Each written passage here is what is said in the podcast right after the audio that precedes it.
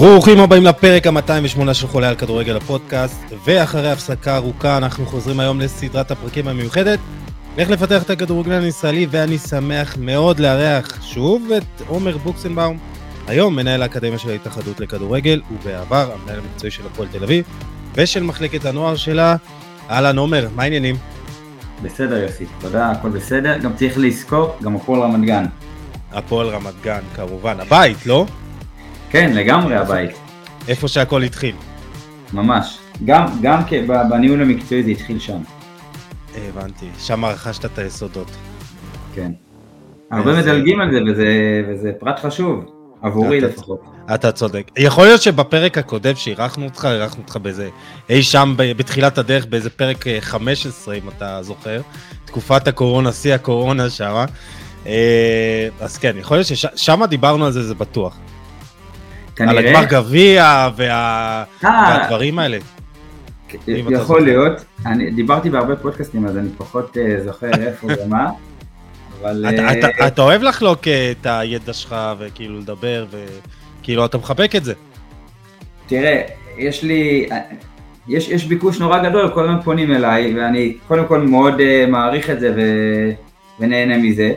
אמ, ואני חושב שלא יודע, אני מרגיש להיות גם מנומס ולשתף פעולה. וכן, אין לי בעיה, אתה יודע, לדבר, אני גם נהנה מזה. אה, אז אה, קודם כל אנחנו מעריכים את העובדה שאתה כאן, ובאמת אה, כיף גדול. אז היום אנחנו נדבר על ניהול מחלקות נוער ואקדמיות, אבל אני רוצה להזכיר למאזינים שהיום זה הפרק החמישי בסדרת הפרקים שלנו של איך לפתח את הכדורגלן הישראלי. הפרק הראשון היה עם ניר לוין, מאמן ישראלי שחי באנגליה ועובד בברייטון. עם ניר דיברנו על סודות האימון מאנגליה. הפרק השני, אה, עומר, עם מישהו שאתה, שאתה מכיר, היה עם אה, שלומי מיינר, אה, מייסד והבעלים של Easy Coach, שהיא פלטפורמה לניהול, עיבוד וניתוח מידע למאמנים, מועדונים והתאחדויות. המערכת נמצאת בשימוש, וגם אתה, עומר, היה לך חלק ב...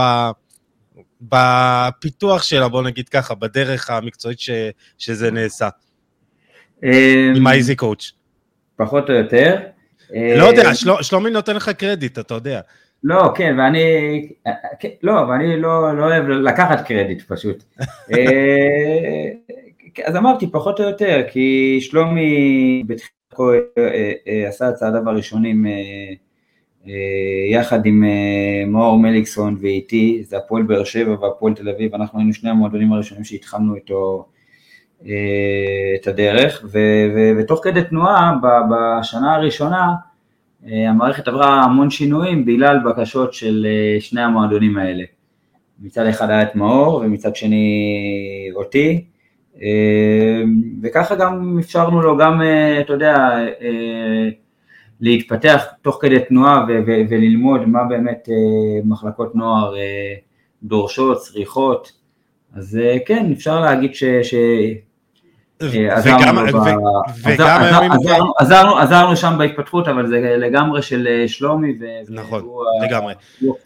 אז א', אני ממליץ לכם באמת להאזין, זה באמת אה, פרק ש... זה תוכנה בעצם שעוזרת לנהל מועדונים, וכל הקטע של עיבוד וניתוח מידע והצגה של הצגת המידע לשחקנים, לצוות המקצועי, אינטראקציה ביניהם, ואני מניח שגם עכשיו אתה עובד עם זה באקדמיה, נכון? נכון, אז עכשיו אני חושב שרוב המועדונים בארץ וההתאחדות לכדורגל אה, בראשם אה, אה, עובדת עם התוכנה הזאת. כבר כמה שנים כשניהלתי מחלקת נוער היה לי באמת המון כאב ראש איך באמת לרכז את כל הפעילות של מחלקת הנוער בתוך מקום אחד ובאמת שלומי הביא פלטפורמה נהדרת לדבר הזה ו... ו- אה, זכינו במערכת הזאת ואני שמח שיש אותה וגם אני בקשר טוב עם שלומי והיא כל הזמן הולכת ומשתדרגת, זה דבר מאוד משמעותי, אה, זה על הכיפאק. אה, וזה היה הפרק השני. הפרק השלישי עם אה, עופר דורון ואלחנן ביטן, אה, מומחים לכושר גופני והבעלים של אתלטים, על איך לבנות מבחינה גופנית את הכדורגלן הישראלי. בפרק הרביעי התארח דוקטור ארד סקובל על חשיבות אימון הקואורדינציה, התנועה והחשבה ההתפתחותית. היום זה הפרק החמישי כאמור, אבל אני גם מתכנן עוד כמה פרקים, זה מאוד חשוב, אז תאזינו. וכמובן אני מזכיר לכם לדרג אותנו בספוטיפיי, אפל או בכל אפליקציה אחרת שאתם שומעים אותנו. מוזמנים לעקוב אחרינו גם בפייסבוק, טלגרם, טיק טוק, וואטסאפ, אינסטגרם וגם באתר כדורגל.com. טוב, אחרי כל ההקדמה הארוכה הזאת, בוא, בוא נחזור אליך, עומר, ולעבודה שלך. אתה נמצא בערך בתפקיד החדש שלך כמנהל האקדמיה של ההתאחדות כחודשיים. איך אתה מסכם אותם? קשה לסכם חודשיים, זה ממש בתחילת הדרך. אני יכול להגיד שהגעתי למקום שונה ממה שהכרתי בעבר, מקום פחות תחרותי. זו פעם ראשונה שאני לא במועדון כדורגל, שייך לכדורגל, אבל לא במועדון תחרותי, נמצא בהתאחדות לכדורגל, במקום שבאמת הדבר המרכזי הוא פיתוח השחקן, כמובן שפיתוח הבן אדם לפני הכל, אבל בסוף באים לשחק כדורגל ואנחנו מתמקדים בהתפתחות שלהם ככדורגלנים. אני מאוד נהנה, מאוד נהנה, יכול להגיד שהתנאים פה הרבה יותר טובים ממה שחשבתי, האנשים פה מדהימים, הצוות נהדר, גם עוד מעט נרחיב על המקום, אז הצוות שלה, גם של האקדמיה, של החבר'ה מההתאחדות, צוות מעולה, וגם הצוות מהפנימייה ומהכפר הנוער הוא צוות מדהים. אז לפחות בחודשיים הראשונים אני מאוד מסופק ונהנה, אבל יש כאן הרבה עבודה. אז זה באמת מתקשר פשוט לשאלה שדודי אטיאס, המנהל של קבוצת הטלגרם והוואטסאפ, שאל, כאילו, אני מניח שעבורך באופן אישי, זה קצת שונה מכל הלחץ של, אתה יודע, תוצאות תוצאות כל שבת אחרי שבת, וניהול כמה קבוצות במקביל, והיית אחר כך גם בקבוצה הבוגרת, ופתאום אתה, יש לך את השקט הזה לעבוד בכדורגל, לפתח כדורגל, כלומר, לא כל המסביב. אני מניח שזה פחות כאב ראש. או פחות לחץ, אני לא יודע איך לקרוא לזה. פחות לחץ, כמו, ש, כמו שאמרתי מקודם, זה, זה חדש עבורי. כל החיים התרגלתי ל, ל, ללחץ ולאינטנסיביות של לנצח, להפסיד, שבתות, מצבי רוח, כל התהפוכות הרגשיות האלה, יום אחד עם מצב רוח, יום אחד בלי מצב רוח, וכאן אתה שומר על איזשהו באמת שפיות ובריאות, אפשר להגיד. זה אחרת, אני אגיד, גם למקום של המועדונים יש הרבה יתרונות כמובן, כמו שיש לזה חסרונות, וגם פה יש, יש רגעים שיש, שיש לזה יתרון לדבר הזה, ויש רגעים שזה קצת חסר, אפשר להגיד את האמת, בטח למישהו שהתרגל כל החיים להיות במקום מאוד תחרותי ולחכות לשבת, פתאום אין את זה, אז זה אחרת. זה הבדל משמעותי, כן. אז, אז בוא, בוא נרד בעצם מה אתה עושה היום, מה התפקיד שלך, מה זה מנהל האקדמיה של ההתאחדות? בוא נדבר על האקדמיה. כן. בהתאחדות לכדורגל יש איזושהי פירמידה שהחליטו, אני חושב שכבר כמה שנים טובות, לבנות דרכה את ההתקדמות של השחקן המקומי הישראלי. זה מתחיל קודם כל במרכזי הפיתוח שיש להתאחדות לכדורגל, שמדובר על ארבעה מרכזי פיתוח עכשיו, שלוקחים את השחקנים היותר מוכשרים בשנתוני היום, 2011-2012, מי שמנהל את זה היום זה פרדי דוד, ושם הם מגיעים פעמיים בשבוע לאימונים עם צוות מאוד גדול וצוות מאוד בכיר, לדוגמה ראובן עטר, עומר דמארי היום, צדוק מלכה, סתיו אלימלך, עם המון שחקני עבר ויש שם מעטפת טובה ונותנים להם שני אימונים בשבוע בשביל לעזור בהתפתחות, בדרך כלל יותר נוגעים באזור של הפריפריה, מגזר הערבי, כי לצערנו התנאים במועדונים שם הם פחות טובים, בדרך כלל יש מאמן אחד על 22-23 שחקנים במקרה הטוב, ומה שההתאחדות במרכזי פיתוח נותנת זה שלושה ארבעה מאמנים על 20 שחקנים שזה מדהים. אז יש את המרכזי פיתוח, זה הדבר הראשון. אחרי המרכזי פיתוח אוספים את השמות של כל השחקנים, יש מאגר מאוד גדול, אנחנו מרכזים את זה, מגיעים בסביבות ה-100-150 שחקנים לשפיים, אחרי שהם נבחרו, אחרי המערך הסקאוט שההתאחדות עשתה, מגיעים לשפיים למספר אימונים, מספר ימים, ואז בוחרים 22 שחקנים שמגיעים לאקדמיה של ההתאחדות לכדורגל במבואות ים, ואז הסיפור שונה לגמרי, אנחנו נמצאים במבואות ים, יש כאן פנימייה בבית ספר, והחבר'ה נכנסים לשלוש שנים, לתוכנית של שלוש שנים בתנאי פנימייה, ומתי התוכנית הזאת אה, התחילה? סליחה שאני קוטע אותך. לפני שלוש שנים, לפני שלוש שנים. אוקיי. אה, אה, הם נכנסים לתנאי פנימייה, שלוש שנים, תוכנית של שלוש שנים, שהם מתאמנים כאן מראשון עד רביעי, הם ישנים פה מראשון עד חמישי, וחמישי אחרי הלימודים הם חוזרים לקבוצות שלהם, מתאמנים בקבוצה, יש כאלה שחמישי-שישי, יש כאלה שרק בחמישי, משחקים בשבת בקבוצה, וחוזרים לכאן ביום ראשון. אה, מה שזה מאפשר לנו זה קודם כל אה, פיקוח של 24 שעות על השחקן, אנחנו יודעים כמה שעות שינה, אנחנו יודעים מה הוא אכל, באיזה שעות הוא אכל, אה, כמה ארוחות הוא אכל, מה הוא עשה בזמן בית ספר, אם הוא היה בבית ספר או לא היה בבית ספר, מרכזי לימיד, אנחנו יכולים לתת לו אקסטרה אימונים, רק השעות שהוא חוסך על נסיעות, תחשוב ש... בחור שגר בראשון לציון וצריך להגיע למכבי פתח תקווה או למכבי נתניה, כי היום uh, כולם משחקים בכל המקומות, אז זה רק שעה הלוך, שעה חזור, זה שעתיים דרך כל יום, אתה חוסך לו את השעות נסיעה, יש כאן המון יתרונות, יש כאן צוות גדול, uh, הרבה אנשי מקצוע, אנחנו על שלושה שנתונים עם 25 אנשי צוות, ואיזה בדיוק אנשי צוות? מה בדיוק? ארבעה פיזיותרפיסטים, שלושה מאמני כושר, שני מאמני שוערים, אה, שלושה מאמנים ראשיים, שלושה עוזרים, יש באמת מעטפת גדולה, מנהל מקצועי, אה, יש פה באמת מעטפת גדולה וטובה. מה עוד שיש להם אקסטרות אימונים, זאת אומרת הם עושים כל יום אימון בבוקר, אם זה אימון אתלטיקה, אם זה אימון קואורדינציה, אימון כוח, יש פה את אה, יורם מנחם שבונה להם את התוכנית אה, של הבנייה הגופנית. המעטפת מדהימה ואנחנו ממש עוזרים לשחקן להתפתח, להיות שחקן טוב יותר, אה, נותנים לו את כל הכלים להצליח. כמו שהם שומעים על אקדמיות בחו"ל, אז, אז, ככה זה באמת מתבצע פה.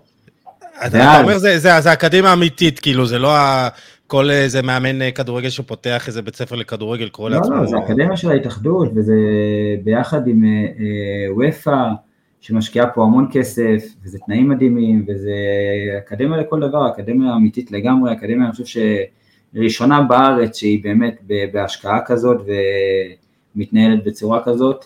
נכון שהיה גם אקדמיה קצת באשדוד בזמנו, שגם הייתה מדהימה והניבה להם הרבה תוצאות טובות, אבל זה קצת אחר כי הם, הם נמצאים פה ביחד עם המאמנים 24/7, האנשי צוות ישנים פה, לא הצוות של ההתאחדות, אבל הצוות של הפנימייה, וכל המסגרת שלהם ממש על, על 200 מטר מרובע, כאילו המגרש כדורגל, הלימודים, איפה שהם ישנים, החדר אוכל, הכל מתנהל בלי לזוז עם רכבים, בלי שום דבר, הכל באותו מקום, באותו קומפלקס, במבואות ים, זה דבר נהדר עבורם. ו- ואיך אתה רואה, אה, טוב, אתה אמנם חודשיים בתפקיד, אבל אתה אומר אה, שהתוכנית הזאת נמצאת כבר אה, שלוש שנים. שחקנים שנמצאים שם כבר תקופה הזאת, אתה רואה, רואים את ההתקדמות שלהם בצורה כאילו אחרת אם הם היו עכשיו נמצאים בקבוצות? תראה, זו שאלה שהיא, כאילו, אני יכול להגיד כן, אבל היא קצת בעייתית, כי באמת זה מאוד אינדיבידואלי. כל שחקן עם ההתקדמות שלו, כל שחקן גם עם התפתחות שלו, מאוד uh, קשה לדייק בגיל 13 uh, אה, מה יקרה בגיל 16, אבל הם כן יוצאים פה עם כלים הרבה הרבה יותר טובים, uh, אנחנו כן נותנים להם מעטפת נהדרת, uh, מה עוד שיש פה מסגרת חינוכית מדהימה, שזה דבר לא פחות חשוב, צריך להגיד את זה, כי אנשי חינוך פה הם אנשי חינוך נהדרים ברמה מאוד גבוהה, אה, ומקבלים פה טיפול נהדר ואנחנו נותנים דגש מאוד גדול על הבית ספר, אבל שנייה עוד פעם נחזור לכדורגל, אז כן. אנחנו כן יכולים לדעת שהם יוצאים שחקנים חכמים יותר, ושחקנים שמביאים את המשחק טוב יותר, ויודעים לעצור את הכדור טוב יותר, אבל בסוף, בגיל הזה, בגיל ההתבגרות, כל אחד מתפתח אחרת, גם בעניין הפיזי וגם בעניין המנטלי, וגם שבסוף, למרות שאנחנו בעניין המנטלי עוזרים להם וגם בעניין הפיזי אנחנו עוזרים להם, בנייה, אבל אתה יודע, יש אחד שהוא כבר בגיל 13 סיים את ההתפתחות שלו והצמיחה שלו ואז הוא מוביל, ובגיל 16 פתאום הוא טיפה יורד לאחור כי כבר החבר'ה אה, אה, אה, השלימו פערים, כן. אז לא הכל תמיד בשליטתנו, אבל, אבל ברור, ברור, ברור שאנחנו מגדילים להם את האחוזים להצליח, שזה דבר מאוד משמעותי. זו בסוף המטרה שלנו, להגדיל אחוזים. אוקיי, ואתם רואים את האקדמיה מתפתחת לשנתונים נוספים? כלומר, מעבר לגיל 16 או... אה, זה קצת בעייתי, קצת בעייתי, אה, כי אנחנו לא קבוצה תחרותית, ואז בסוף כשהם נהיים נערים א' נוער, להחזיר אותם רק בחמישי לקבוצה, אפשר להבין את הכעס של הקבוצות, אה, אפשר להבין את הכעס של הקבוצות. אולי יותר שחקנים בכל שנתון? אבל אם דיברנו על הפירמידה, אז אחרי שהם עוברים את האקדמיה, הם מגיעים לנבחרות הצעירות, אה, בשנה האחרונה שלהם פה הם כבר אה, שחקני נבחרת נערים ב', ואז בנערים א' הם עוברים ל... חוזרים לקבוצות שלהם ועוברים לנבחרות הצעירות, שאנחנו רואים שם את העבודה הנהדרת שעושים בשנים האחרונות, ואז אתה יודע, נוער בוגרים, הדבר האמיתי. אה, נכון, וזה מתקשר לשאלה שעכשיו רציתי לגבי כאילו איך אתם בוחרים שחקנים לאקדמיה, אבל אירחנו בעבר פה את בוני גינזבורג, מנהל טכני של הנבחרות הצעירות, ו... סיפר לנו שהתפקיד של ההתאחדות זה גם בקביעת ה-DNA של הכדורגלן הישראלי, אה, באיתור והטיפוח של השחקנים, אה, אז, אז בוא תספר לי באמת כאילו, אה, אילו פרמטרים אתם בוחרים שחקנים לאקדמיה, ואם זה קשור ל-DNA הזה של הכדורגלן הישראלי שאנחנו רוצים לראות, שאנחנו שואפים שהוא יהיה. אז דיברנו על מרכזי פיתוח ואמרנו שבסוף מהמרכזי פיתוח מגיעים 120 שחקנים לשפיים, ואז מגיעים, אה, אה, אה, עד עכשיו הגיעו מאמני הנבחרות הצעירות ביחד עם משה סיני שהוא אחראי על מערך הסקאוט, הגיעו לשפיים לראות את השחקנים בכמה ימים אחרי שהם קיבלו דוחות על השחקנים, ואז הם, יש להם ב Easy Coach תוכנה שהם ממלאים, נותנים ציונים לפי פרמטרים מסוימים, על אישיות, על טכניקה, על מהירות, על זריזות, על, על המון פרמטרים ש, שכתובים ב Easy Coach, ואז נותנים ציון, משכללים את הציון, רואים מה הממוצע, ואז ה-22 uh, שנבחרו ראשונים, הם בדרך כלל אלה שמגיעים לאקדמיה במכמורת, במבואות ים. אני חייב להגיד שאני לא כרגע רק נכנסתי לפני חודשיים ויש פה שלושה שנתונים שאנחנו קיבלנו אותם ככה, שזה על הכיפאק, אבל uh, שנה הבאה אנחנו נעשה את הדברים קצת אחרת, אה, אה, אנחנו עכשיו תוך כדי תנועה אה, עובדים על זה, אבל כמובן בשיתוף פעולה מלא עם מערך הסקאו ועם משה והכל, ואנחנו יושבים איתו על התוכניות. ומה זה קצת אחרת, כלומר, בחירת שחקנים? לא, לא, אנחנו, תראה, כי, כי לקבוע בדרך מספר אימונים ודרך אימונים זה קצת בעייתי. המון פעמים השחקן באימון הוא שונה ממשחק, כי השטחים באימונים הם אחרים. האימון, המשחק עצמו הוא שונה, הוא אחר לגמרי, הדרישות הן שונות, ואז כשמגיע המשחק עצמו, אתה רואה דברים אחרים. אז חשוב לנו גם להיות במעקב אחרי המשחקים שלהם בשבתות השנה למשל, ונוכל כן. לקבל כן. אינדיקציה יותר טובה, כי בסוף הדבר האמיתי זה המשחק. אז יש שחקנים שלפעמים מתקשים בשטחים קטנים, או יותר טובים בשטחים קטנים, ואז כשאתה בא למשחק אתה רואה, הופה, אולי הבחירה לא... למרות שרואים אותם בשפיים, עושים להם משחקים שם, אבל עושים להם שלושה, ארבעה משחקים, רבע שעה, עשרים דקות, אחרי שקיבלנו את כל הנתונים, זה בסדר, הם עבדו איתנו שנה, אנחנו מכירים את השחקנים, אבל אנחנו רוצים להגדיל עוד פעם את האחוזים להצליח עם הבחירת שחקנים, אז אנחנו גם השנה נלך אה, והביאו עוד אה, 20 סקאוטים לחטיבה צעירה בנבחרות, וגם אנחנו, המאמנים פה והצוות, וגם אני, נלך לראות גם בשבתות, בשביל שנקבל אה, אה, בסוף אה, אינדיקציה יותר אה, חזקה ונכונה עבור אה, הבחירה שלנו. אז, אז אני רוצה שנדייק אפילו עוד יותר את הבחירה. אה, אני חושב שזה גם מתקשר למה שאנחנו רואים היום מהנבחרות הצעירות והנבחרת הבוגרת, שהכדורגלן הישראלי הוא טכני, הוא, הוא זריז, הוא מתקתק את הכדור מהר, הוא תחבולן כזה, אז פרמטרים כאלה אתה, אתה מחפש שיהיה אוסקר גלוך כזה? איך אתה בוחר עכשיו שחקן? אתה חושב שזה גם DNA שהוא נכון לכדורגלן הישראלי? אני חושב שאם ניקח את אוסקר גלוך וניקח את דור פרץ, אז זה שני שחקנים שונים, אז למה שלא נחפש okay. אוקיי. גם דור פרץ? או דן okay, גלאזר, לא, לא, לא תמיד צריך, כאילו לא, לא כולם יהיו אוסקר גלוך, יהיו גם דן גלאזר ודור פרץ שהם שחקנים מדהימים ושחקני נבחרת, והלוואי והיו לנו עוד כאלה, וזה בסדר, זאת אומרת, אתה לא מחפש משהו אחד, אתה מבין? גם לכל כן. תפקיד אה, יש אה, פרמטרים שונים. אתה יודע ששחקני קו צריכים להיות מהירים בדרך כלל, לצורך העניין, ושחקני קישור צריכים להיות עם כושר, בעל כושר גופני מצוין. אז זה גם תלוי לפי העמדה מה אתה מחפש, זה, זה תלוי בהמון המון המון דברים, אבל uh, אתה לא מחפש משהו מסוים, אתה, אתה, אתה מחפש בסוף מישהו ש, ש, שיכול להיות ולהתפתח כשחקן כדורגל טוב. אין משהו נקודתי. אני מסתכל בפרמטרים איך אני בודק את הדברים, אז לי מאוד חשוב המבנה האישיות של השחקן. זהו, זה לא משהו שלא דיברנו עליו. כן, כן כי מבנה האישיות זה דבר מאוד חשוב, בסוף כדורגלן מתמודד עם קשיים. מוקדם או מאוחר יש לו קשיים, ואם הוא יודע לצלוח אותם והוא מקסם את הפוטנציאל שלו, אז אתה יודע שאפשר ללכת איתו דרך, כי אם שחקן יודע, אם, סליחה, אם איש צוות יודע שיש לו שחקן שיכול למקסם פוטנציאל, אז השמיים הם הגבול עבורו.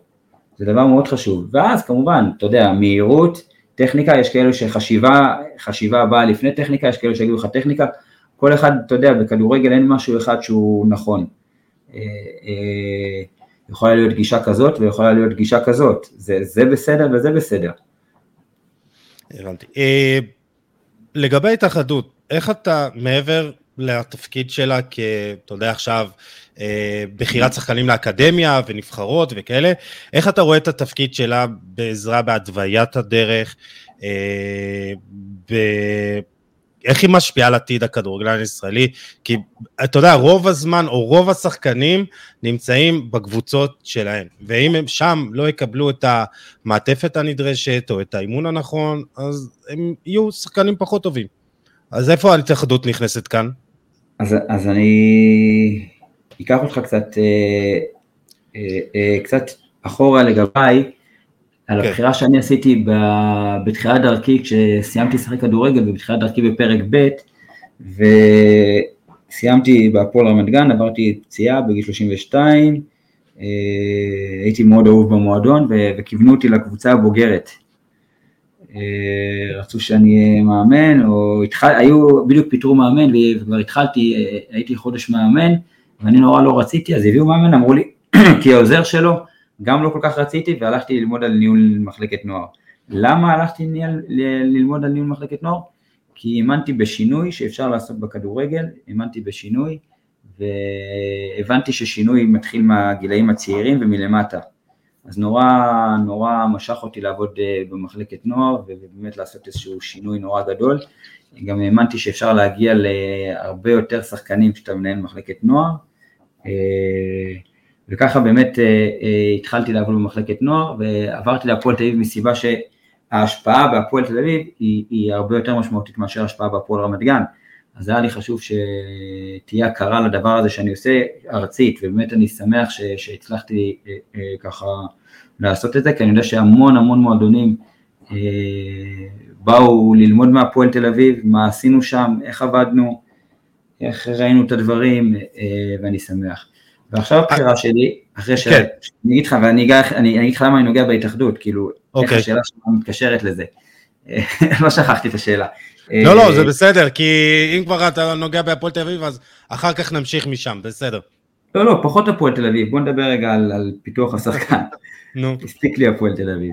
אה, לא, אני צוחק, אבל אה, תשמע, אז עכשיו שסיימתי בהפועל תל אביב, אז באמת היו לי כמה הצעות, והתלבטתי. ואז כשהגיעה ההצעה מההתאחדות, אז uh, ככה עשיתי חושבים מה, מה כדאי, ו, ודיברתי איתך גם, וכמעט, uh, היה, אתה יודע, נכון. סגרתי בביתר ירושלים, והיה לחץ נורא גדול שאני אבוא לשם, ולבני יהודה, ועוד מספר מועדונים התקשרו, יש כאלה שביקשו להישאר uh, ככה חסויים, יש כאלה, הכל היה על הכיפאק, ובאמת את כולם אני מכבד, והייתה לי התלבטות נורא גדולה, אבל למה בחרתי בסוף בהתאחדות?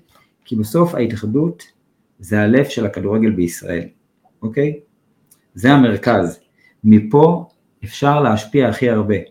מה הכוונה? עכשיו היום אנחנו עובדים באקדמיה, אבל יש לנו תוכנית מעבר לעניין המקצועי פה וההתפתחות של השחקנים, תוכנית איך אנחנו מגיעים לפריפריה ולמגזר ולעזור למועדונים קטנים בלנהל מחלקת נוער ואיך צריך לעבוד ולהראות להם אימונים ואיך לנהל וברמה המקצועית מה לעשות ואיך לפתח ואנחנו נעבור מועדון מועדון ובמרכזי פיתוח פריד דוד עושה את זה בדרום ואנחנו עושים, אנחנו עכשיו מתחילים בדיוק אה, אה, בצפון לעשות את זה אה, ולעבור מועדונים ולהגיע לכמה שיותר מועדונים בשביל להשפיע.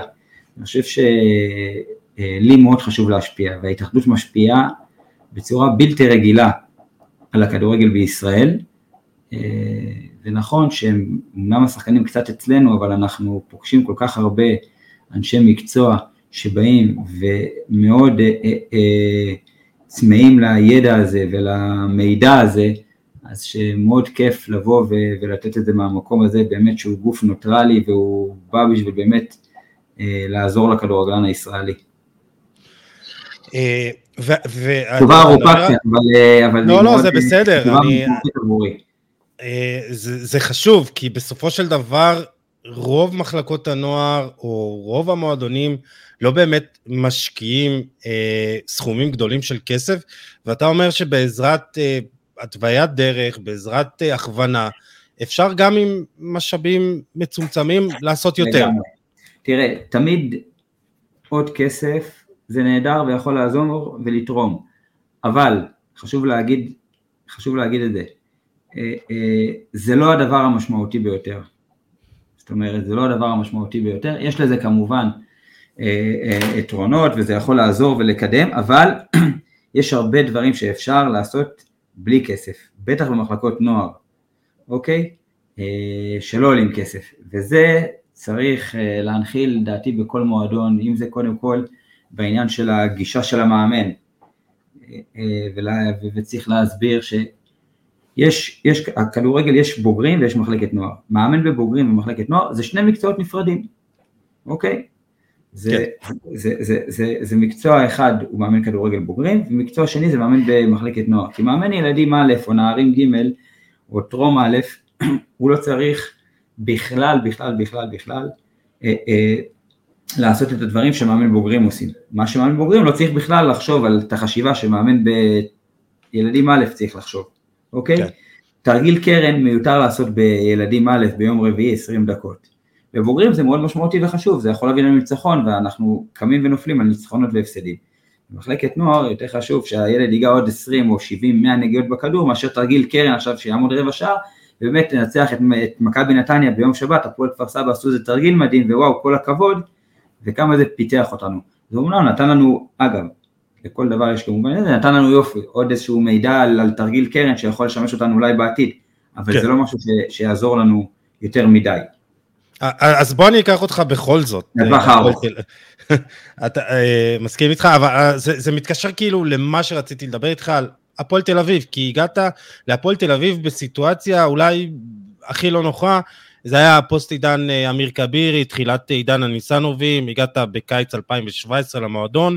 אני מניח שהמועדון, ותמיד אומרים שפני מחלקת הנוער או קבוצת הנוער קבוצת הבוגרים, וקבוצת הבוגרים אז הייתה בליגה הלאומית, כלומר, הגעת בסיטואציה למועדון שהוא לא נמצא בימים המוצלחים שלו, הטובים שלו, ו, ואני זוכר שגם אמרת לי באחת השיחות, לא יודע, בעבר, שזה לא משנה עד כמה הקבוצה גדולה, אלא, אה, סליחה, כמה העוגה גדולה, זה איך אתה מחלק אותה יותר.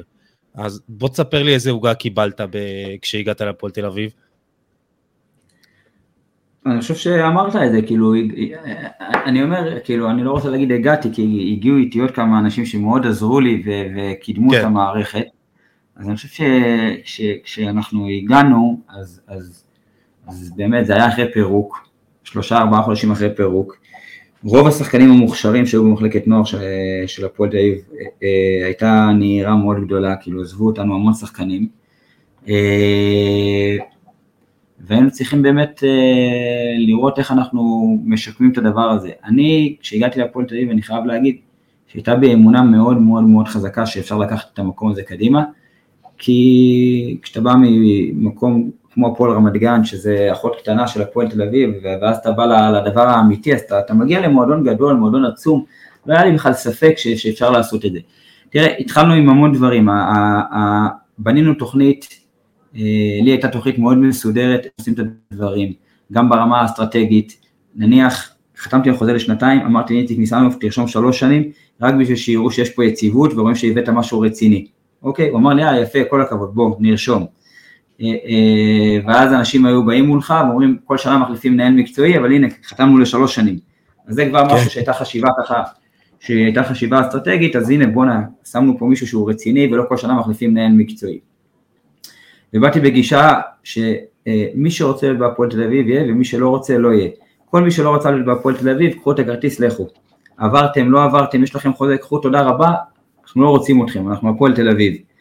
אה, ובשנה הראשונה באמת פספסנו כמה שחקנים ועזבו אותנו ככה, אבל אחרי שבאמת ראו שאנחנו רציניים, ואחרי שמי שעזב אותנו... רגע, יש לך מישהו שאתה מצטער שעזב? לא, כאילו אף אחד אני לא מצטער, מי שלא רצה, אני תמיד אומר, מי שלא רצה להיות אצלנו, הכל לא, בסדר. לא, יש כאלה שעזבו וכאילו התקדמו והצליחו?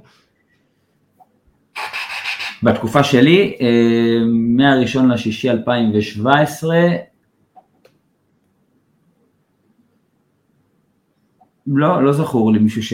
אני לא, אני מנסה לזכור עכשיו, אבל לא, לא עולה לי מישהו ש... שעזב. פחות ו... עבד להם, אתה אומר.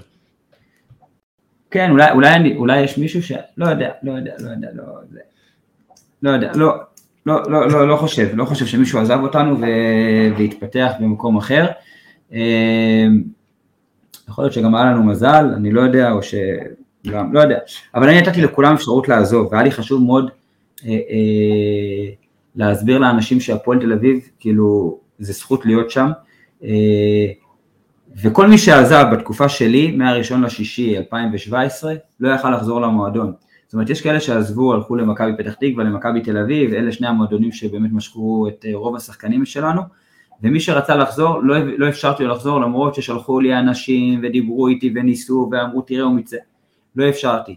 למה? מסיבה מאוד פשוטה, להראות שאם עוזבים אותנו אי אפשר לחזור, אנחנו נותנים לכולם לעזוב, אנחנו לא, לא מחזיקים אף אחד בכוח, אבל אם עזבתם, קחו בחשבון שאתם לא יכולים לחזור, אנחנו רוצים, אנחנו נותנים את ה, את ה, את ה, את ה, בעיניי את המוצר הכי טוב, אה, אה, את המעטפת הכי טובה, אה, תהיו איתנו, על הכיפאק, לא רוצים, זה גם בסדר, אבל אי אפשר לחזור. זו הייתה הגישה שלי. אוקיי, יש כאלה שחלקו על זה, יש כאלה, אבל זו הייתה הגישה שלי. לשמחתי, היא עבדה לי שם בהפועל תל אביב. אז זה לגבי העניין האסטרטגי, מה, איך yeah. הייתה כן. החשיבה ומה זה. אחרי זה הייתה, החשיבה גם הייתה, קודם כל שהשחקנים הטובים ביותר גם לא יעזבו אותנו. אה, אה, איך אנחנו מייצרים את זה? אני, אני מאמין נורא ב, ב, ביחס ה, ה, ה, ב, ביחסי אנוש, זה דבר שמאוד חשוב לי. כל ילד שנכנס למתחם בוולפסון זה היה נורא קל, כי החדר שלו היה החדר הראשון שם, כשאיך שהיית נכנס והייתי רואה את כל הילדים. כל ילד שנכנס למשל, אז הייתי מחכה תמיד בשעה כשהם היו נכנסים, והייתי עומד בחוץ, ולכל ילד הייתי נותן חיבוק וכיף, ומה קורה ומה זה, ותמיד מתעניין בבית ספר, ובחבר ההוא, ובחברה, ובצחוקים, ונותן לזה צ'פחה ולזה.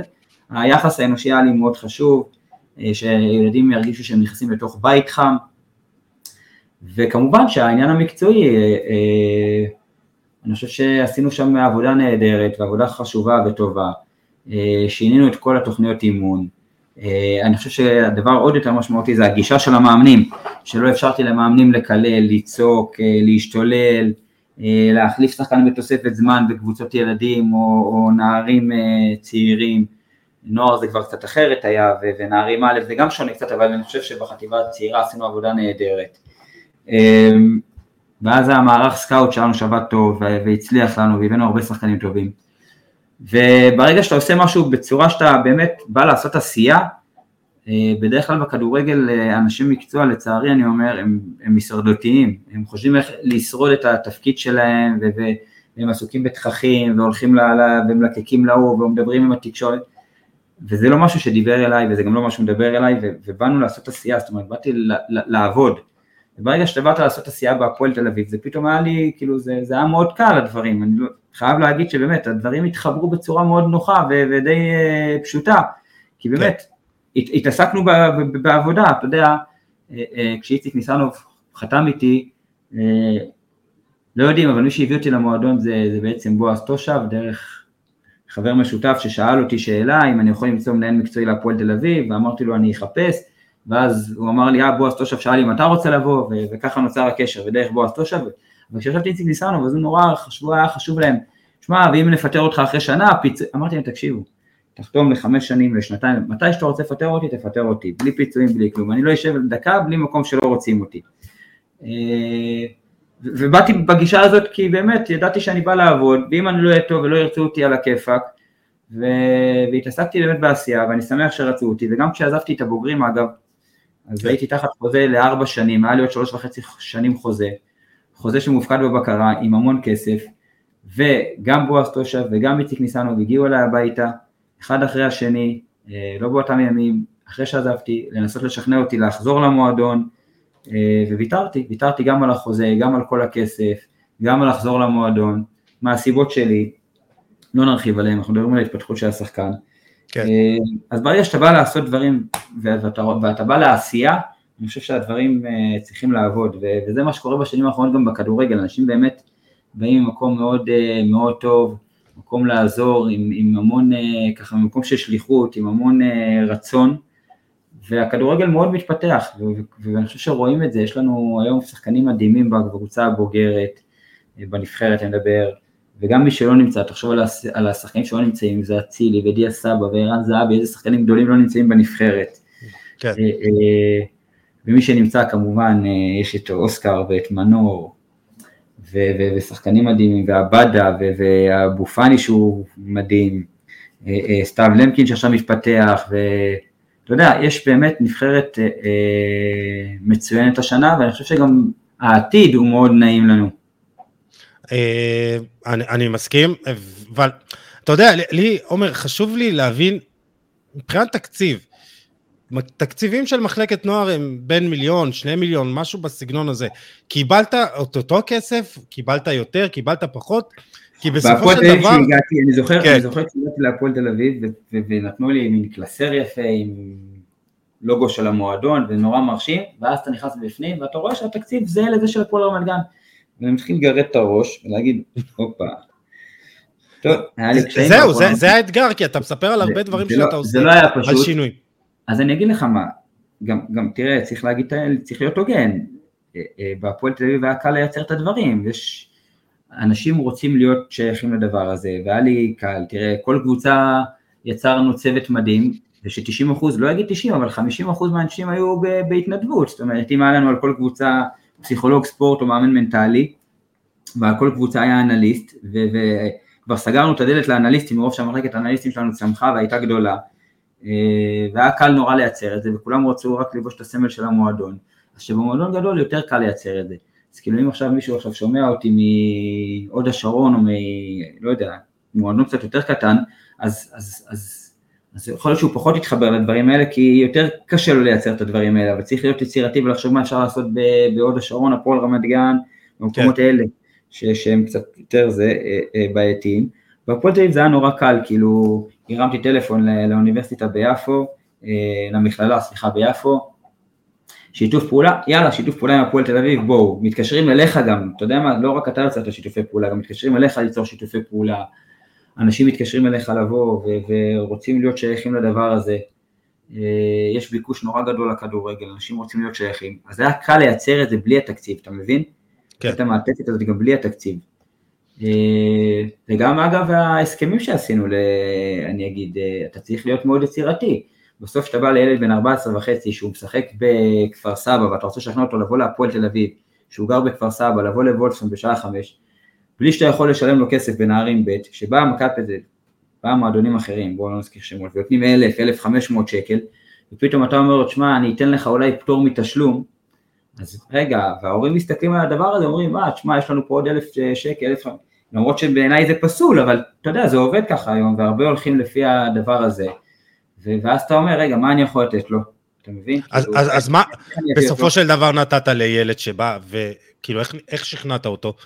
תראה, כי, כי נדבר עוד מעט על שמות ספציפיים ש, שכן שכנעת, אבל לא, מה, זה, מה תראה, אתה, אתה, אתה, שוב, אתה נמצא, אתה צריך להבין שאתה נמצא בתוך התפקיד, ואתה אתה במשא ומתן עם שחקנים ואתה יודע שקבוצות אחרות, שזה מועדונים לא פחות גדולים, אני אזכיר שמות מה זה, לא צריך, זה מכבי תל אביב ומכבי חיפה ומכבי פתח תקווה ומכבי נתניה, ש, שמציעים ובאים לילד ואומרים לו תשמע, ואתה בא, ואתה, אז אתה צריך להיות יצירתי, אז כן, באתי לשחקנים של מכבי תל אביב ואמרתי להם תקשיבו, הייתה מדיניות מאוד קשוחה על ידי פטריק, שלא אפשרה להם להיבחן בחו"ל או לשחק בחו"ל, אז באתי לשחקנים שם, ואני יודע שהיה מרמור, והתקשרתי לכל השחקנים במחלקת נוער של מכבי תל אביב, שהיו השחקנים הכי טובים בארץ, אמרתי להם, תקשיבו, בואו להפועל תל אביב, מתי שאתם רוצים עד גיל 18 לצאת לחו"ל, יש לכם אפשרות לצאת לחו"ל. לקחתי את ההימור הזה, ואז זה או שלא היה לי אותם, או שיש לי את הסיכון הזה. אז אם הצלחתי אה, לקחת מהם 20 שחקנים, קודם כל, כל מה שאתה לוקח ממועדון אחר, זה כבר רווח, אוקיי? בטח שזה הפועל מכבי, היום, אז הייתי שייך להפועל, אז אתה יודע, אתה בכלל לוקח לשחקים של מכבי, זה וואו, אה, אה, אה, אז, אז זה רווח, ואז אם, אם, אם, אם אתה מצליח לפתח כמה אצלך, השגת, ואם חלק, שניים, שלושה יעזבו גם בדרך, אז, אז לא הפסדת, כי זה לא, זה לא היה לך, זה או שאין לך כלום ביד, ואתה נשאר עם אין כלום ביד, או שאתה לוקח את הסיכון שיש לך משהו ביד ואתה יכול גם לפספס אותו, עדיף לקחת את הסיכון הזה, אז כולם מדברים על תאי עבד, ואני אספר לך סיפור על תאי עבד. איתי עבד לא היה חוזה בהפועל תל אביב, אוקיי? איתי עבד בא ממכבי תל אביב לפני גיל 15, אבא שלו ביקש ממני, בא אליי, אמר לי, תקשיב, אנחנו עוזבים את מכבי תל אביב כי אנחנו רוצים לצאת לחו"ל. אותנו מעניין לצאת לחו"ל. אותו דבר אגב, אמרו לי על סניור, הוא בא, ביקש לצאת לחו"ל, אותו דבר גם אפשרתי לו. אה, אה, ואיתי עבד בא וביקש לצאת לחו"ל. אמרתי לאבא, קיבלת. טוב, תוציא לי דף, בוא נחתום. הוצאנו דף לשנה אחת. בנערים ב' הוצאנו דף, חתמנו שנה אחת. ואז נוצר בינינו באמת אה, אה, מערכת יחסים, אני יש לי מערכת יחסים מאוד קרובה עם ההורים, תמיד אני זמין להם ותמיד הייתי שם אה, עבורם למה שהם היו צריכים, והוא בא בסוף שנה בנערים א' ואמר לי, תשמע, עוד פעם, אמרתי לו, תשמע, עד הנוער, כמו שהבטחתי לך, לארץ אני לא נותן לך לעזוב לשום מועדון, תרצה לעזוב לחו"ל, קיבלת. הוא אומר לי, אני לא צריך דף, מספיק לי חיצת יד שלך. לחצנו ידיים. הוא בא לקראת סוף שנה, הם נסעו לנפולי, הוא נבחן בנפולי, נפולי רוצים אותו, הוא אומר לי, שמע, הילד לא רוצה, הוא קיבל טראומה, הוא לא רוצה, העיר, זה היה לו קשוח שם, הוא לא רוצה. אמרתי לו, בסדר. הוא אומר לי, שמע, אבל יכול להיות שיהיה לנו איינדובן בסוף שנה.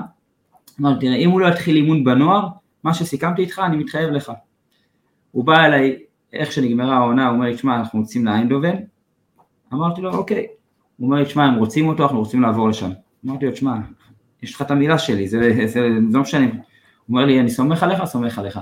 לחצתי לו את היד, כל המערכת, כל הפועל תל אביב, לא רצו לאפשר את המעבר הזה, אני, אם, זה, אם, המעבר, אם המעבר הזה לא היה קורה, פשוט הייתי קם והולך, כי המילה שלי והלחיצת יד הם הרבה יותר משמעותיים מהנייר. אז פשוט אמרתי להם את זה, סבבה, ואז כשהגיעו החבר'ה האמריקאים וזה, הם רצו לתבוע את איינדובן, רצו לקחת על זה כסף, הגיע איזה כמה, לשנתיים שהוא היה במחלקת נוער בפועל תל אביב, כי סך הכל הוא היה שנתיים בפועל תל אביב, כן. אנשים שמחים שהוא היה שמונה שנים במכבי תל אביב, מגיל 7, 8 עד גיל 14, אתה מבין? שוכחים שהוא היה 7 שנים במכבי תל אביב, בסך הכל היה שנתיים בהפועל תל אביב. אה, ואז הגיע מכתב מהפועל תל אביב לאיינדובן שהם תובעים אותם, ואני לא במועדון בהפועל תל אביב. אה, והתקשר לאבא של תאי עבד מארגנטינה במונדיאליטו, ואמר לי תקשיב, קיבלנו מכתב מהפועל תל אביב, שתובעים את איינדובן על, לא יודע, 30 אלף יורו וזה. התקשרתי כאילו להפועל תל אביב למנכ"ל, ואמרתי להם תקשיבו, יש את זה שלי, כן אבל אין, אמרתי להם תקשיבו, אוקיי, קחו בחשבון שאם תהיה תביעה או יהיה משהו, כמובן כמובן שאני אעמוד בצד של תאי עבד, אני רק אומר את זה ואני מבקש מכם להסיר את זה, אני חושב שזה ראוי, בטח ובטח אחרי כל השחקנים שהתפתחו במחלקת נוער ואחרי שהאמריקאים לקחו את, את, את, את המועדון בזכות המחלקת נוער, כי רוב הפגישות שלהם היו איתי ועל המחלקת נוער ועל מה שקורה ואיך שמייצרים שחקנים, אז, אז אני חושב שזה צריך להיות זה, ואני שמח באמת שהם כיבדו את זה, ובסוף זה, זה נגמר אה, מהר מאוד. זה לגבי סיפור בטח רצית לגעת בו אני מניח. אה, גם, גם, גם, גם, גם. אה, עוד מעט ניגע בעוד כמה שמות, אבל איך אתה משכנע נגיד שחקנים ממכבי חיפה, מכבי פתח תקווה, להגיע, כי בסופו של דבר, מועדון כמו מכבי פתח תקווה, שדורון ליידנר הגיע משם בגיל 15, אה, איך אתה משכנע למשל את אה, דורון ליידנר להגיע? אה, א', לא שכנעתי את דורון ליידנר, דורון ליידנר הגיע דרך מאמן של מכבי פתח תקווה שאמר יש לי שחקן מוכשר הוא לא מספיק טוב אולי תראו אותו ככה דורון ליידנר הגיע, ואז כשאני ראיתי אותו, כאילו, אז ישר לקחנו אותו. אה, אז לא, עוד לא הכרתי. אז לא היית צריך לשכנע אותו. לא היית צריך לא, לשכנע. לא היה מערך scout או משהו, דורון ליידנר גדל במכבי תל אביב, בגיל, לפי דעתי נערים ג' וילדים א' עבר למכבי פתח תקווה, היה שם איזה שנה, ואז הם פחות, כאילו, פחות קיבל דקות, כי באמת הוא היה מאוד קטן, ו... ואז הוא הגיע אלינו, אבל טוב, אני לא חוכמה, אני נמוך, אבל אבא שלו היה ממש משמעותית יותר גבוה ממני, אמרתי, טוב, הוא לא יהיה נמוך על זה, אז אמרתי למאמן, אם הוא מוכשר, תשאיר אותו, נמוך הוא לא יהיה, זה, זה באמת הסיפור, אבל יש עוד הרבה דברים בהקשר של דור ליינר. לגבי, אני אגיד לך משהו, עשינו, עשינו עבודה, כאילו, לשכנע, תמיד אמרתי את האמת, תמיד הייתי הוגן. אמרתי לאנשים, כאילו, אני לא, לא יכול להבטיח לכם כלום חוץ מזה שתקבלו יחס טוב, תקבלו תכנים מקצועיים ברמה מאוד גבוהה, המון אהבה, ותמיד נהיה, נהיה עבורכם, ואימוני וידאו וזה. מעבר לזה אין לי מה להבטיח, לא תהיו טוב, לא תשחקו, תהיו טובים, תתקדמו, כאילו, זה מאוד פשוט. אבל, כן, כן, אבל כאילו- כן, אמרת, כן אמרת להם, אה, יהיה פה אה, אנליסטים, יהיה פה מערך פיזיותרפיסט. אה, ברור, ברור, כאילו- המעטפת המקצועית, ברור, הדגשתי את המעטפת המקצועית שהייתה נהדרת, כי באמת המעטפת המקצועית הייתה מאוד טובה, היא עדיין טובה אגב, עושים שם עבודה מדהימה גם היום. אה, אה, וחשוב לציין, יש שם היום מנהל מקצועי ברמה מאוד גבוהה, מישהו שעזר לי להתפתחות, אה, עושה עבודה נהדרת, אסף גרנשטיין, כשהבאתי אותו מרמת השרון, שהוא היה מאמן ילדים ב' והוא היה חטיבת צעירה בהפועל תל אביב, ואני גם שלחתי אותו להפועל פתח תקווה שנה, שיעשה שם איזשהו ככה, יצבור ניסיון, והוא חזר טוב יותר, והפועל תל אביב הרוויחה בגדול היום, אני חושב. היא, היא עדיין אה, מחלקה נהדרת והם שומרים על המקצועיות ו, והם עושים דברים מדהימים, וכן, ככה אפשר לשכנע אנשים, באמת נתנו מעטפת טובה, זה בטח שאמרנו.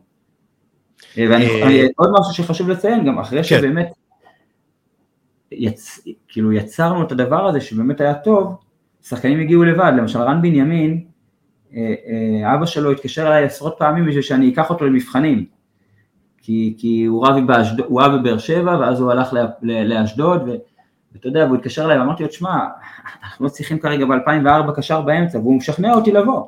ואני אומר לו, תקשיב, יש לנו את uh, טי עבד, רועי אלקוקין, זה מיכאל, לא צריך קשר באמצע, כאילו, אני לא רוצה שהילד יבוא סתם עכשיו מבאר שבע ו- ולא יס...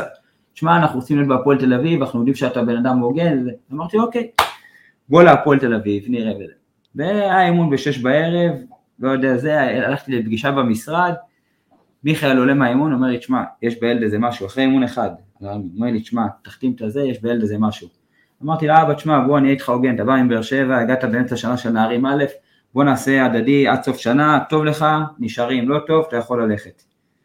אה, אה, וזהו, אחרי כאילו חודשיים הוא נכנס להרכב, היה מצוין, היה, היה אחד המצטיינים בסוף שנה, הקבוצה של מיכאל זנדברג זכתה באליפות, הוא עלה לנוער, בנוער קצת היה קשה, אבל הוא מהר מאוד אה, מצא את המקום שלו והתפתח וחתמנו על חוזה, בסוף היה לו טוב, לנו היה טוב, אה, אה, הוא, הוא, זאת אומרת זה משהו שאנחנו יצרנו, שבאמת אנשים רצו לבוא להיות בהפועל תל אביב, זה משהו שלא היה ב, לפני שש שנים.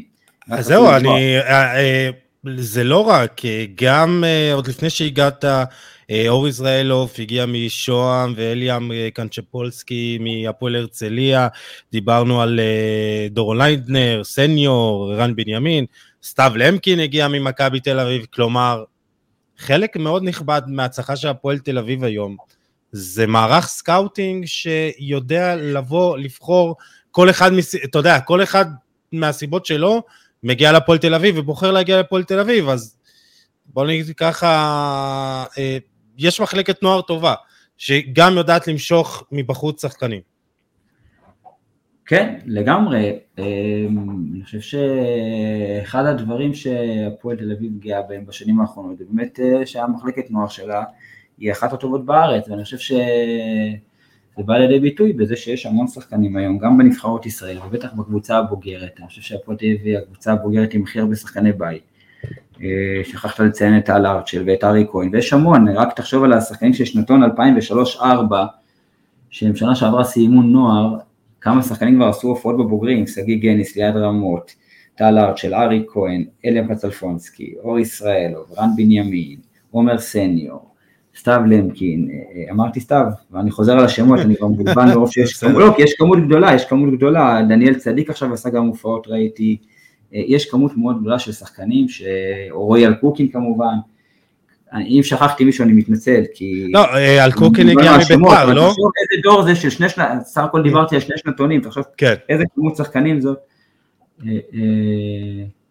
יכולה להיות, אגב, הנוער של אותו שנה, עם מיכאל זנדברג היו במקום הראשון, וסיימו סיבוב שהם במקום הראשון, והם היו בכושר מדהים, ואז uh, החליטו שארבעה חמישה עולים לבוגרים, וחלק התגייסו.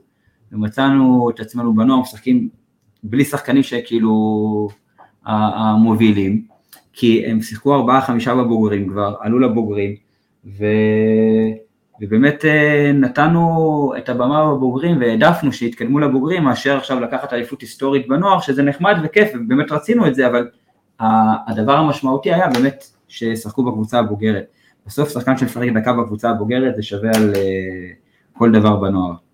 גם ב... אתה יודע, אנחנו אומרים, עד גיל נערים א', התוצאה פחות חשובה, אז אתה אומר, גם במקרה של, אתה יודע, אה, אובדן אליפות בנוער, תראה, כאילו זה נסלח, בוא נגיד ככה. יש, יש, יש, יש משהו שצריך להוביל אותך במחלקת נוער, שהשחקן ישחק בבוגרים, אוקיי? זו המטרה הראשונה והראשית. עכשיו, אם אתה במחזור 26, מחזור 27, וקבוצת הבוגרים שלך היא במרכז טבלה, והנוער יכול לזכות באליפות, אז אתה אומר, אוקיי, יש פה עוד שלושה משחקים לנוער, ארבעה משחקים, בוא נקדש את העניין של האליפות, זה יכול להיות רגע היסטורי, זה על הכיפאק, בסדר. אבל אם אתה, ב, בוא נגיד, אתה במרכז אה, הטבלה בנוער, והבוגרים במרכז טבלה, ואתה יכול לעלות שחקן, אז התוצאה בנוער היא לא משמעותית, גם אם אתה יודע מה, אתה במחזור 15, 16, כמו שאנחנו היינו במחזור 16, 17, שהיה סיבוב שלם לשחק. אם זה שניים, שלושה משחקים אחרונים, אז אתה יכול איכשהו לקדש. תמיד, תמיד, תמיד התקדמות השחקן במחלקת נוער היא בעדיפות ראשונה, זה צריך להיות הכלל הכי חשוב במחלקת נוער. בסוף אתה צריך לטפח את האינדיבידואל, אתה צריך לטפח את השחקן, כמובן לא, שזה לא יפגע במערכת ובקבוצה, אבל אתה צריך לדעת איך לפתח ולעזור לו להתקדם. אה, ונושא המעבר בין נוער לבוגרים, אה, איך אתה מקל על שחקנים לעשות? כי לא, אתה יודע, יש לא מעט שחקנים שהם מככבים בגילאי נערים, נוער, ואז המעבר לבוגרים, אנחנו רואים אותו קצת אה, קשה. וכמובן, יש את האלה שהם מוכשרים מספיק בכדי להגיע לקבוצת הבוגרים, יש כאלה שהם פחות, צריכים לצאת לעונות השאלה, אז ככה ממש בקצרה ניגע בזה. איך אתה עושה את המעבר הזה בצורה יותר טובה? קודם כל, קודם כל, שאתה, אם אתה נמצא במערכת ואתה מכיר את השחקנים, אז אתה יכול לדעת מי יותר בשל ומי פחות בשל. יש, יש כאלה שחקנים שרק בעוד שנתיים, של, שלוש, יהיו, מש, יהיו טובים ובוגרים, ויש כאלה שיכולים מחר כבר להיות שחקנים אה, טובים ובוגרים. הרוב, רוב, רוב השחקנים צריכים לעבור דרך.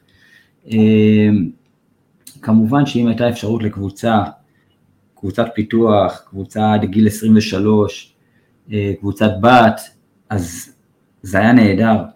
צריך לציין את מכבי תל אביב, שאני חושב שהם זכו באליפות בשנתיים עם איביץ', בזכות הקבוצת בת שהייתה להם.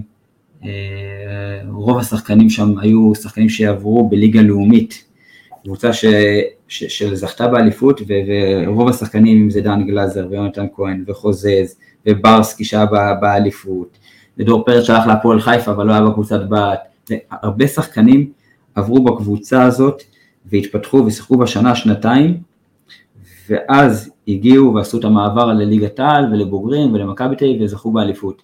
אז אם מועדון בסדר גודל באמת כמו הפועל תל אביב אה, אה, ידאג בשנים הבאות שתהיה לו קבוצת בת, זה יעזור להם מאוד מאוד מאוד לפתח את השחקנים והם באמת יוכלו להיות במקום אחר, גם כשהתקציב של הבוגרים שלהם הוא פחות משמעותית בטח שנה שעברה, השנה אני פחות יודע, אבל משמעותית פחות מהגדולות, הם כן יצליחו להגיע למקום של להיאבק על תארים בקבוצה הבוגרת, אם תהיה להם סבלנות עם החבר'ה הצעירים, ואם ידעו לעזור להם להתפתח.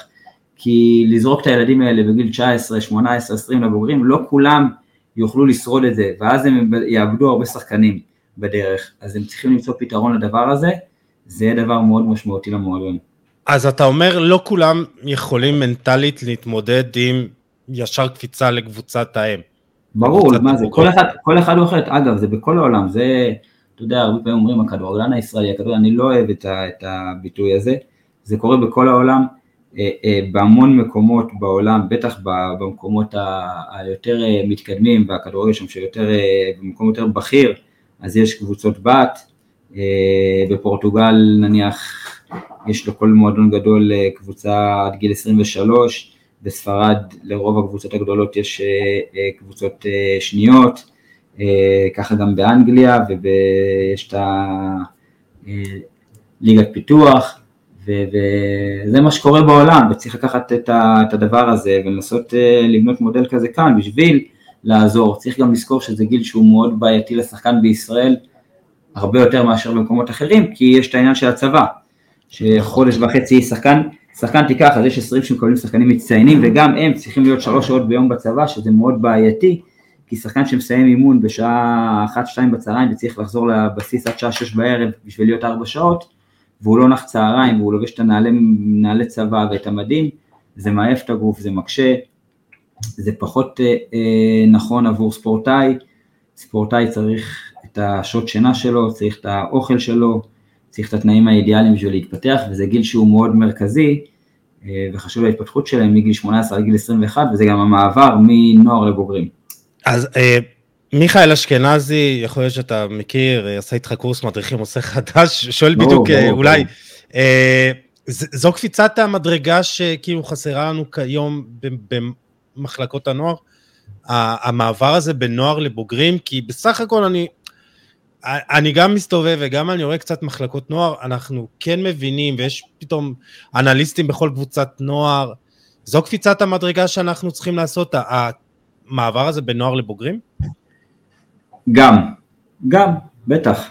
זה מאוד משמעותי ומאוד חשוב שתהיו קבוצות, אה, אה, שיהיו קבוצות שיהיה להם אה, מענה לשחקנים הצעירים, קבוצות בת עד גיל 23, משהו שההתאחדות, לא יודע, תקים, למרות שאני חייב להגיד שהיום רוב השחקנים בליגה הלאומית זה חבר'ה צעירים, זה קצת ליגה פיתוח בליגה הלאומית בשנים האחרונות מה שקורה, אה, שזה נהדר אגב, שזה נהדר, אה, וזה עוזר מאוד, ואפשר לראות גם את זה בא לידי ביטוי בשחקנים הכי בכירים במדינת ישראל. אתה יודע, לנבחרת ישראל בחמש שנים האחרונות יש רוב מאוד גדול לשחקנים ששיחקו בליגה השנייה. מבין? כאילו זה מאוד חשוב. זה, זה דבר מאוד משמעותי. נושא אחרון, נושא מעמד המאמן, זה נושא מאוד רחב, אבל לי חשוב ספציפית כן לגעת בו. כי בסופו של דבר, כמה שאנחנו מדברים על מעטפת וזה, בסוף מה שהמאמן נמצא באינטראקציה בצורה הכי גדולה, עם, כאילו, השחקן נמצא באינטראקציה עם המאמן, והוא נמצא איתו הכי הרבה שעות, ובסוף אם המאמנים שלנו לא יהיו מספיק מוכשרים, לא יהיו מספיק, אתה יודע, נוחים בסביבת העבודה שלהם, יצאו לנו פחות שחקנים טובים, אז... כן, במחלקת אתה... נוער, אני, סליחה שאני, זה, במחלקת כן. נוער אני חושב שיש תפקיד מאוד משמעותי למנהל המקצועי. הוא מתווה את הדרך, זאת אומרת, עם כל הכבוד מאמן צריך לפעול לפי הדרך של המנהל המקצועי, אוקיי? ואם המנהל המקצועי לא, לא יתווה דרך, אה, קודם כל מאוד חשוב להגיד, אה, אה, בגישה נכונה, זאת אומרת, איך השפה של המאמן צריכה להיות, איך הוא צריך להתייחס לילד, איך הוא צריך לדבר עם שחקן, ולא ייתן לו מעטפת מקצועית, כאילו מענה מקצועי, עזרה מקצועית, מה התכנים הנכונים, מה צריך לעשות בכל גיל, אז זה מאמן בבעיה, זאת אומרת, אני יותר אלך לכיוון של המנהל המקצועי, אתה מבין? כי, כי למנהל המקצועי יש הכי הרבה השפעה על המאמנים, בסוף כשאתה מנהל מקצועי של מועדון, אז יש לך השפעה על המאמנים שנמצאים שם, ואתה יכול לעזור להם, וזה חשוב מאוד ש, שהמנהל המקצועי יתווה דרך נכונה וטובה, ואז זה, זה יהיה מצוין. בבוגרים זה אחרת.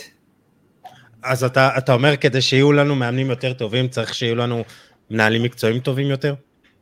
כן, אני אגיד משהו לגבי המנהלים המקצועיים, אני, אני חושב שגם עכשיו זה מתחיל לעבור שינוי.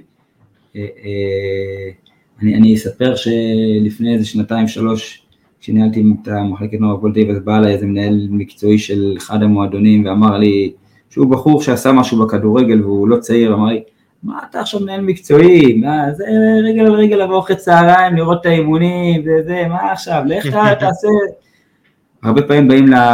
זה, זה, זה, זה כאילו מצחיק, אבל זה מאוד עצוב, כי זה תפקיד שהוא לדעתי הכי, בש, הכי, הכי מרכזי בכדורגל, יש לך את היכולת להשפיע הכי הרבה, ובמקום שיבואו למקום הזה ממקום של עשייה, באים למקום הזה ממקום של קצת נוחות, למרות שלבחורים צעירים זה מאוד קשה אה, בגלל השעות עבודה, כי, כי זה הפוך משעות עבודה רגילים, ואז אתה לא פוגש את הילדים, ואתה קצת בבעיה בבית, כי אתה כל יום אחרי צהריים חוזר בתשע בערב בבית, או שמונה וחצי, ושבתות אתה לא נמצא.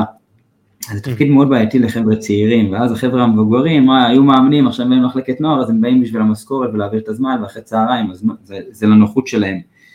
אז תפקיד בעייתי. אה, לא קל לשרוד את זה בתור בן אדם צעיר, בטח שאתה בתחילת דרכך עם ילדים ונשוי. אה, אני, מחייך כי אני, חי את העולם הזה כבר הרבה זמן, כן. לא, כן, ואני לא יודע להגיד לשמחתי, כי, כי לי זה, אני יודע שאני שילמתי מחיר, אה, על הדבר הזה, אה, זה לא פשוט. אני מסכים איתך. שאלה אחרונה של דודי, שזה גם מתקשר, איך אתה רותם מאמנים שחושבים שונה ממך? אני מניח שיש לך עשרה, 12 מאמנים במחלקת נוער, ואתה יודע, לכל אחד יש גם קצת גישה שונה לכדורגל, אז איך אתה רותם אותם, ואם היו לך התנגשויות עם מאמנים בעבר? אמ, אני חייב להגיד ש, שלא היו לי התנגשויות במחלקת נוער. כן.